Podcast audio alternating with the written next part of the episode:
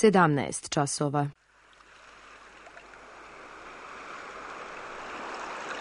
Radio Televizija Srbije. Radio Beograd 2.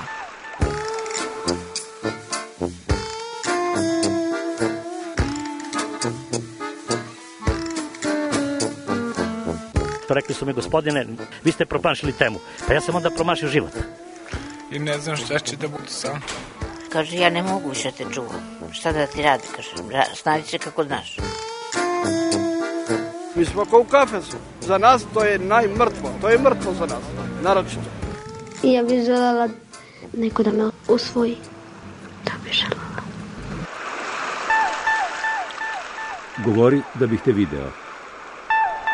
Program dokumentarnog zvuka.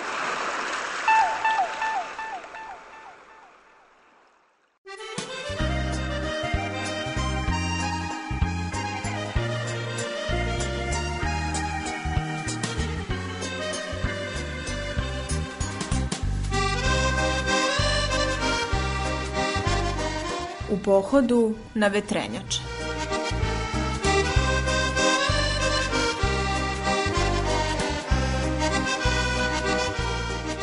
Zovem se Olivera Vukašinović, imam 33 godine.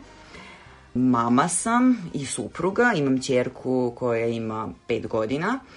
Već skoro 3,5 godine živim u Amsterdamu. Inače sam živela u Beogradu godinama, rođena sam u Smederevu, a bavila sam se svim i svačim i vola bih da e, se ne predstavljam kroz te uloge. Jedna od tih nekih uloga s kojima sam se poistovećivala bih rekla jeste ljubitelj književnosti i bavila sam se književnošću i studirala je. Posle toga posredne i neposredne načine nastavila da se bavim njome. Radila malo kao novinar, zatim radila u knjižari godinama i tako u nekom kulturnom srpskom miljeu bih rekla da bih onda 2017. godine sa svojom porodicom rešila da se preselim u Amsterdam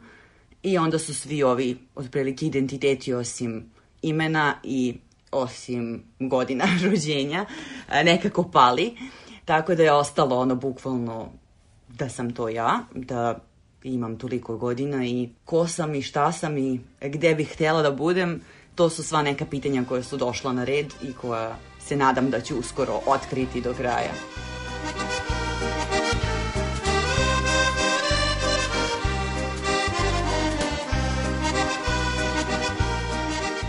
Nismo uopšte bili jedni od onih ljudi koji su, na primjer, uvek znali da bi želeli da idu u inostranstvo. Između ostalog, to je bilo prvenstveno zbog mene, zato što jednostavno ja sam uvek sebe nekako videla u, u Srbiji, u srpskom jeziku i u našoj kulturi i državi, istoriji i celom nasleđu, rekla bih i uvek sam volela i zamišljala da tu ostanem i da se bavim ne, na neki način ili predavaštvom ili nekom nastavom, jednostavno u okviru granica srpskog jezika. Međutim, nešto šta, šta je to promenilo je bio trenutak kada smo dobili dete. Tako da, bukvalno do tog trenutka ja nisam nikad razmišljala uh, da možemo otići, iako je bilo nekih ponuda i bilo je raznih situacija koje su se nekako nametale, uvek je bilo nama je skroz u redu u Srbiji, srećni smo, imali smo poslove koji su nas ispunjavali, koji su bili manje ili više dobro plaćeni. I ovako, što se tiče nekih drugih stvari koje su nam smetale, to je nekako, smo uspevali da uh, zanemarimo, da kažem, jer smo nekako imali neki svoj krug ljudi koje je nas ispunjavao, koji na kraju kad čovjek razmisli ispadne da je to neki balon od sapunice i da to baš nije tako i da to jeste divno, jer smo imali svoje predivne prijatelje, porodicu, kolege s kojima smo na svakodnevnoj bazi sarađivali. Međutim, da čovjek kad god treba da se izmesti iz tog kruga i da krene sve jedno da li da se vozi gradskim prevozom, onako od najbanalnije stvari do da li da ode s detetom u park i tek kasnije da razmišlja o tome gdje će dete ići u školu, da mu bira vrtiće, školu ili bolnicu gdje će da se leči, onda čovek onako nailazi na razne prepreke i zidove i počne jednostavno da razmišlja da li je to neki maksimum i da li je dao sve od sebe da tom svom detetu koje tek ulazi u svet i pred kojim je ceo život, pruža nešto najbolje što je moguće. E, recimo, to je bilo neko pitanje koje mene lično onako otreznilo i osvestilo i trglo, da kažem, iz tog nekog mog stanja koje je bilo uljuljkanost u to, tom nekom svom privatnom balonu, da kažem. I onda je bilo bukvalno pitanje da li za 10, 15, 20 godina, kad budem pogledala iza sebe i kada budem raz, razmišljala, da li na pitanje da li sam ja svom detetu pružila sve što sam mogla u tom trenutku, da li je odgovor da. I onda sam shvatila da odgovor bi bio definitivno ne, ako se ne bih usudila da probam taj život izvan Srbije. Nažalost, jer mi smo nekako došli do toga da nemamo neku snagu, volju, nadu da će se nešto u Srbiji menjati, pa da sad mi krenemo u neke revolucije. Jer, nažalost, imali smo i svoje roditelje i svoje starije oko sebe, pogotovo generaciju naših roditelja, tih nekih 50-ih, 60-ih godina rođenih, kojima je malte ne čitav život protekao u nekoj borbi i u nekim pokušajima da se nešto napravi. I onda recimo moja mama koja je sad u ovom trenutku najsrećnija zato što smo mi otišli i zato što ostvarujemo neki život normalan, znači to nije sad ne znam kakav neki život spektakularan, ali jednostavno normalan i dostojanstven život, jer ona je u nekom trenutku isto svog života imala mogućnost da ode u inostranstvo i nije iskoristila i onda ona na taj način, da kažem, da živi sad kroz nas i kroz taj naš izbor, ali s recimo čitavog života kajala, što to nije uradila. Tako da je to bio jedan primer, da kažem, za mene dodatni da razmislimo kako i šta.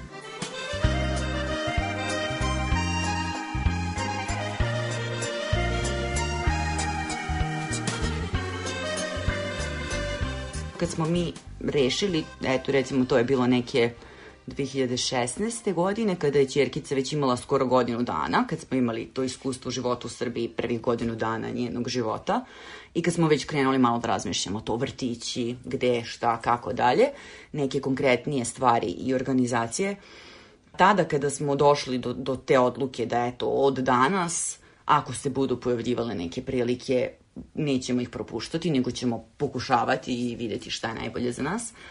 da je definitivno to odluka za zauvek. Mislim, to je ona odluka kao presecamo, s tim da smo mi možda imali i tu neku dobru, mislim onako malo kontradiktorno zvuči, ali dobru situaciju da recimo nismo bili vezani e, za Srbiju kao recimo neki naši prijatelji da smo sad imali svoju nekretninu, recimo ili kredit ili svoj stan ili ne znam automobil i slične stvari. Mi smo već planirali da, da uđemo u tako nešto, ali srećom nismo ušli u tom trenutku, znači bili smo onako u tom smislu slobodni, da nas nije nešto vezivalo i materijalne prirode.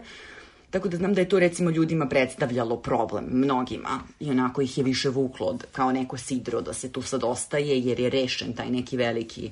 problem. E onda recimo i to, to nam je bilo onako da kažemo olakšavajuća okolnost u odluci, I onda je neko pitanje bilo kao, ok, šta je najgore što može da se desi? Kao najgore što može da se desi je da odemo i da probamo i da vidimo da to ipak nije za nas, da je to preteško, da je strašno, da je ne znam, više nego što mi možemo da podnesemo u tom trenutku i šta ćemo onda uraditi? Vratit ćemo se u Srbiju i vratit ćemo se ponovo na istu stvar. A opet sa druge strane, mislim da je baš najveći strah bio ne sad strah kao jao šta ako nam se tamo ne svidi, nego šta ako nam se tamo svidi. I kao šta ćemo sada da radimo onda sa tim, kako će to da bude, mislim, predivno i, strašno i ambivalentno u svim mogućim oblicima. Onda je bilo više strašno tih još godinu dana dok nismo konačno finalizirali gde ćemo, šta ćemo i koja je opcija dok, dok se to nije desilo. E onda kad se stvarno ostvarilo, onda je posle bilo to lagano.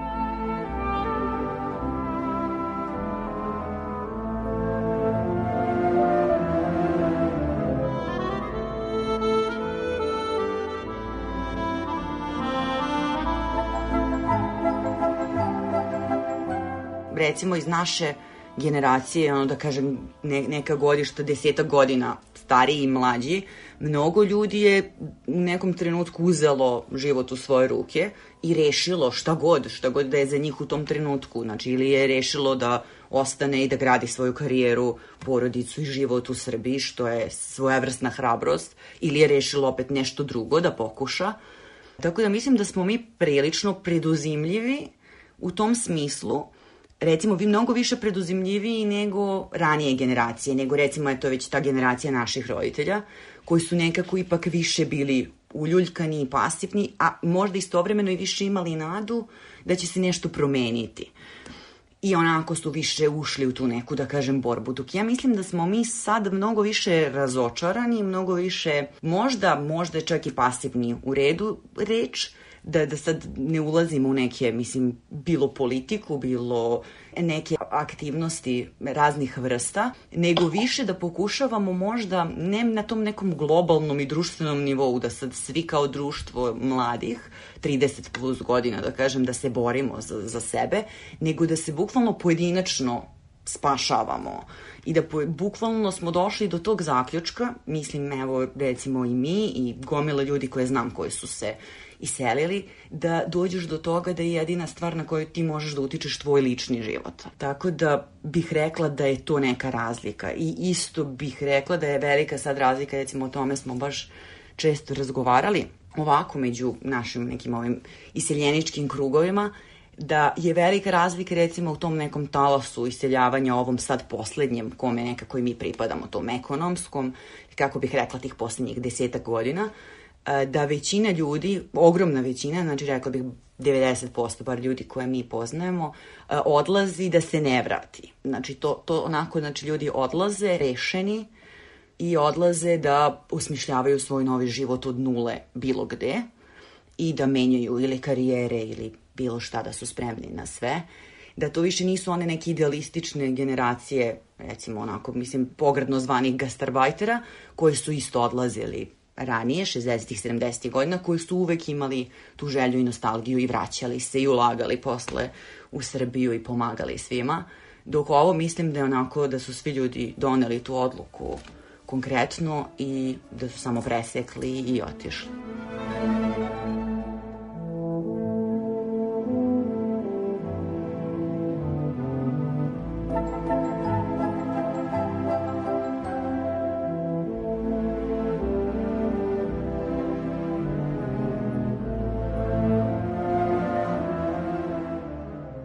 Rekla da je moje neko, neka srećna okolnost bila što sam imala čerku i onda sam ja od prvog trenutka bila okrenuta njoj i tome da ona sad se seli i da ona više nema bake i deke tu iza ugla i da nema ta neka svoja iskustva. I onda sam se ja na, najmaksimalnije svaki svoj slobodan trenutak posvetila tome da budem sa njom i da njoj ta tranzicija prođe najbezbolnije moguće. I isto tako jedna od mojih obsesija je bilo zato što je ona tada imala dve godine kad smo se mi preselili, tako tek je počinjala da priča i da verbalizuje. I to je mene u nekom tom psihičkom i emocionalnom smislu spaslo, jer sam se ja mnogo okrenula njoj. Znači nisam imala luksus da sad padam u depresiju, da kažem da se totalno sad prepustim svojoj pasivnosti i svojim emocijama koje su bile raznorazne, koje su se ono bukvalno menjale iz dana u dan. I nekoj želi da recimo 10 dana ne izađem iz kuće jer mi se ne izlazi, jer mi je teško, jer pada kiša. I sad mislim nije do kiše, uvek je do nas i do depresije, zašto sam, da to eto jednostavno, sve se to tako uklapalo Tako da je onda ona mene u tom smislu mnogo izvukla, jer jednostavno ono, tek kad ona zaspi ti imaš sad mogućnost da se posvetiš nekom svom unutrašnjem svetu više i da pričaš sa partnerom i sa porodicom i sa bilo kim, s kim već hoćeš komunicirati. Tako da mi je to bilo onako neki spas za prvo vreme i, i ne, neki motiv da uopšte izađem iz kuće, da idemo da istražujemo šta god, mislim, grad, muzeje, parkove, E sad, jedna od posebno izazovnih stvari za mene je bila to neko pitanje moje potencijalne karijere, koja je bila, ja sam sad profesor srpske književnosti i jezika, i kao šta ću ja sa time da radim u Holandiji ili u bilo kojoj drugoj državi. E, tako da, recimo, meni je to bilo onako, mislila sam da apsolutno neće postojati nikakav način da se ja bavim ni u najširem nekom smislu svojom strukom, kad dođem ovde, kad god to budem poželjala, ako budem naravno poželjala, da bi se onda ispostavilo da u stvari postoje stvari kojima bih ja mogla da se bavim.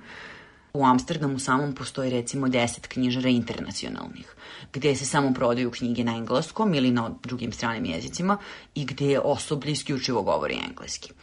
sama ta mogućnost da eto kao mogu da radim u deset knjižara, to je posao koje ono imam u malom prstu, samo da prebacim jezik, mi je bilo ono kao wow, onako za, za neki početak i stvar koju je meni predložila, ja sam imala neku savjetnicu za karijeru, to je bilo isto onako zanimljivo jer smo to imali u okviru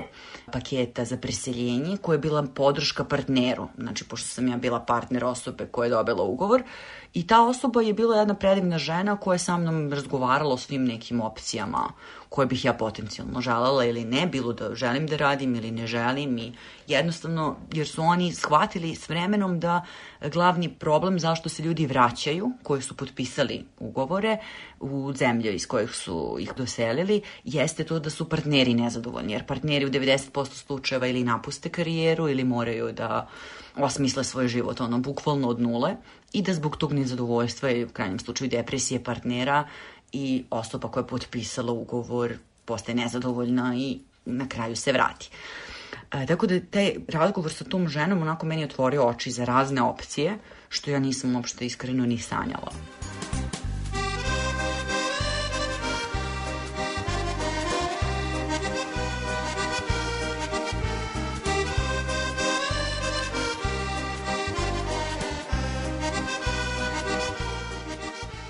Recimo, meni je bio isto jedan od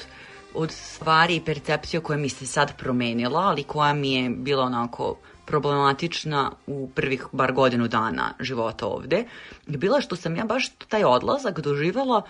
u smislu ja sad više nemam Srbiju, ja sad više nemam Beograd, ja sad imam Amsterdam. I tako mi je to bilo kao ili ili, kao da moraš da se odlučiš i onda mi je to bilo nekako baš, baš teško. I kad sam odlazila u Srbiju, jer sam, često sam dolazila sam bukvalno jednom u 3-4 meseca, zbog raznih razloga, I onda mi je to bilo uvek, kad se vratim u Srbiju, bude mi divno i prelepo, ali mi bude kad prolazim tako pored tih naših mesta i pored, ne znam, stana i ostalih stvari, mi uvek bude jako, jako teško, jer mi bude kao ja sad to više nemam. Uvek mi je bio taj fokus kao sad to više nije moje, I to uopšte nije bilo, mislim, istina, istina. To je bila moja istina u tom trenutku kako sam ja to doživljavala, ali to nije bila objektivna istina.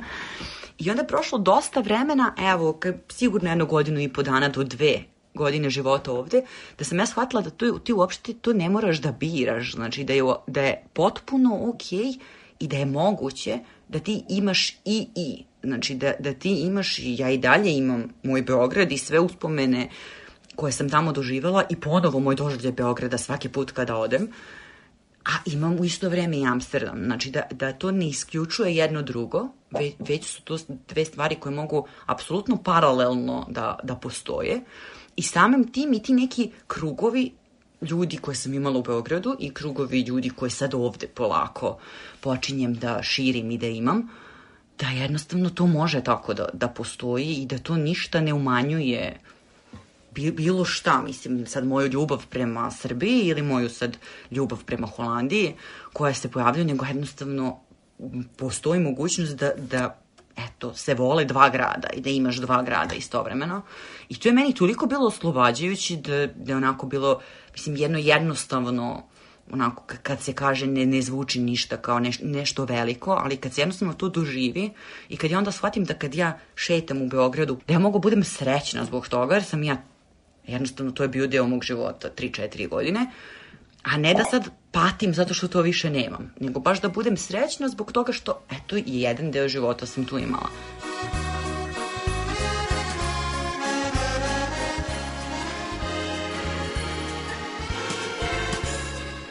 lično šta je bilo nekako najteže i to mi je i dalje onako jedna možda knedla u grlu je da se, znači, moja čerka rodila u Beogradu i taj stan u kome smo mi živeli tih e, prve dve godine njenog života, u kome je, znači, ona bukvalno i do, došla, i, i njega je došla iz porodilišta, posle toga u tom stanu je prve korake napravila, i znači sve neke te bitne prve stvari, životne, koje onako čovjek ceo život pamti, su se tu desile. I onda je meni to nekako bilo kao je sad se mi oproštamo od tog stana, onako jako, jako mi je bilo emotivno, po, pogotovo taj neki poslednji trenutak kad smo mi izlazili, taj stan je bio potpuno prazan jer se sve ispraznilo, osim u spavaćoj sobi, jer u, mislim, spavaća soba isto bila prazna, ali jedan zid gde je tačno bio njen krevetac, iznad njega je bio neki zamak koji smo mi zalepili, neke one kao foto tapete, I to, to smo se sa gazdaricom tog stana dogovorili da će ona, ona će na kraju da, da kreće i to i onda je to ostalo. I onda samo taj trenutak kad se ti šetaš po tom stanu koji je totalno prazan i sve je belo i onda vidiš tu taj zamak koji ono, smo suprugi i ja lepili i tako sve te želje, ideje i maštanja koje neko ima povodom svog deteta i tako da mu to sve bude divno i ušuškano, onda nekako baš mi je bilo jako, jako teško. I onda isto to neko razmišljanje koje se već ispostavilo, evo već sad imam, mogu da sa čerkom razgovaram kao tačno, da se ona nikad neće sećati da je živala u Srbiji.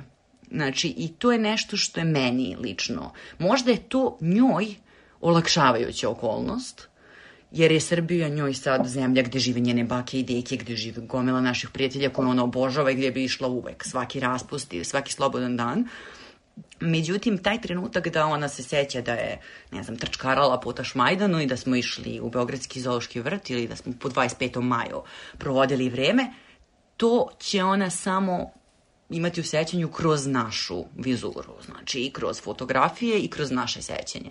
I onda je meni to lično nekako bilo jako, jako teško.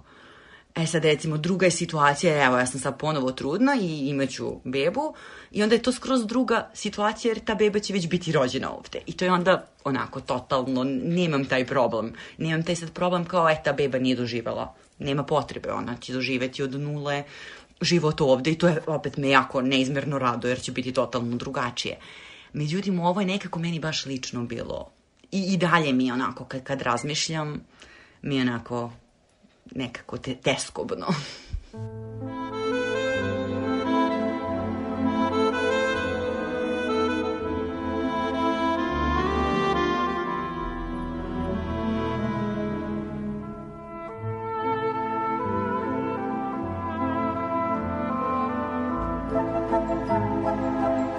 mislim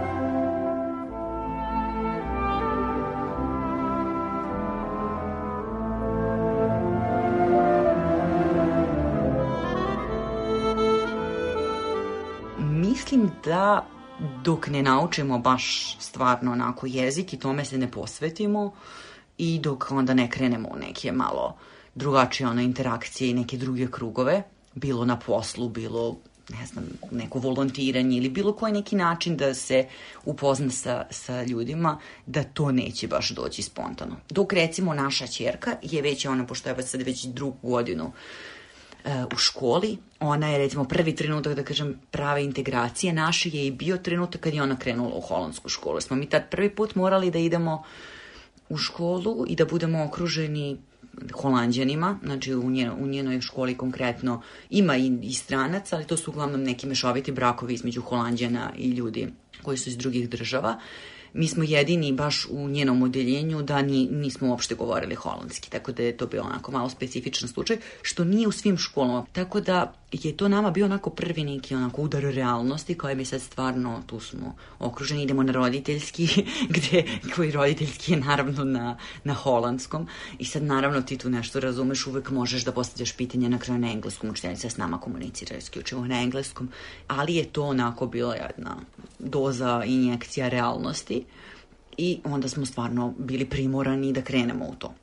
recimo ljudi koji dođu sa decom, ono, koje su odmah školskog uzrasta, moraju istog trenutka da krenu u tu priču. Mi smo imali tu neku privilegiju da tih godinu i po dana možemo da budemo turisti i da budemo opušteni i da se ne, ne zamaramo previše time.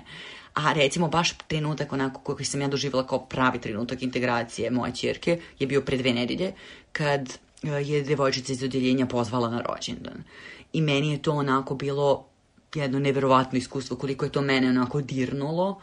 jer je to onako trenutak u kome ti sad stvarno shvatiš da to sve što si radio i čemu si se nadao i želeo počinje da se ostvaruje i da je neko stvarno poželao da pozove tvoje dete i van škole, da se poigra s njim i da imaju neko svoje druženje i da je moja čerka bila njoj dovoljno interesantna i na svom još uvek nesavršenom holandskom na kom se izražava i da je htela da je uključi u to ja, ja stvarno ne znam da li je moguće da objasnimo tim roditeljima od te devojčice koliko je nama to taj gest, koliko nam je značilo, onako ne, neverovatno mnogo.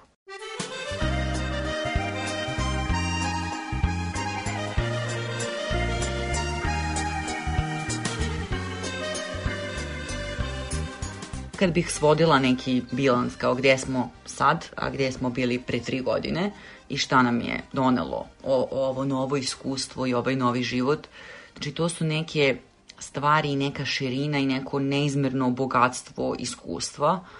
koje je neopisivo i koje mislim da je teško nekome objasniti i da taj neko stvarno shvati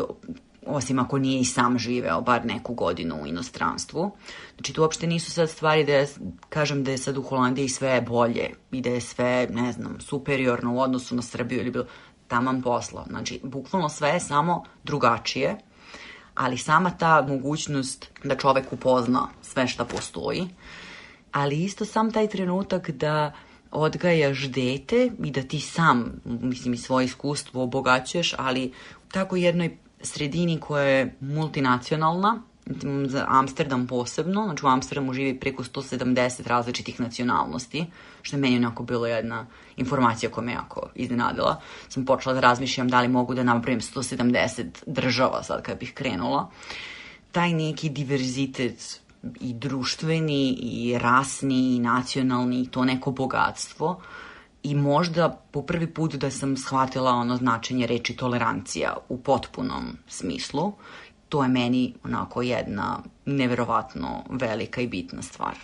I samo te neke mogućnosti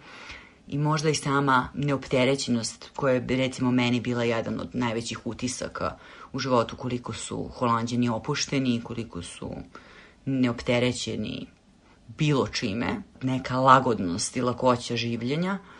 koja je prisutna samo u tome što ti jednostavno znaš da bilo šta, bilo da ćeš završiti trogodišnju srednju školu, ti imaš normalan posao i da je tvoja recimo najminimalac, ona najminimalnija plata jako bliska prosečnoj srednjoj plati i da se baš u tome i ogleda neki visok standard i kvalitet života i da samim tim ti si zbrinuti, da ti samim tim ne moraš da brineš kao uh, većina ljudi i roditelja u Srbiji da li će tvoje dete da završi fakultet, da li će da ima sutra posao, da si stalno u nekom grču egzistencijalnom za onu najosnovniju puku egzistenciju koja je posao i krov nad glavom, ti ovde imaš taj luksuz i bukvalno privilegiju da ti apsolutno ne moraš da brineš za svoje dete, da tvoje dete ako poželi sutra, znači bez ikakve trunke, ono ni podaštavanja da bude fizički radnik u bilo kom smislu ili da se bavi, ne znam,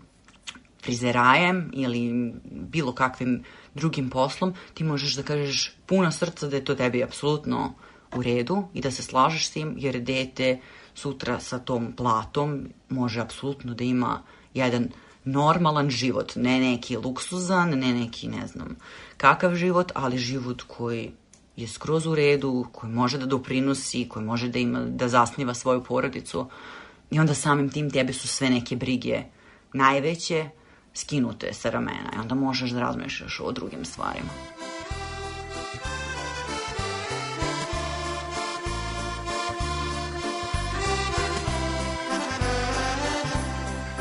Hallo allemaal, ik ben Sophia. Ik woon van Amsterdam Ik van naar school. Dag allemaal.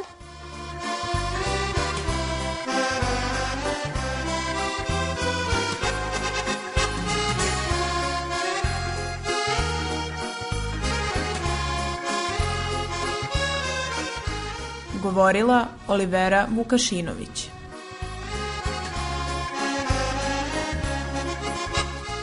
Autor Milena Radić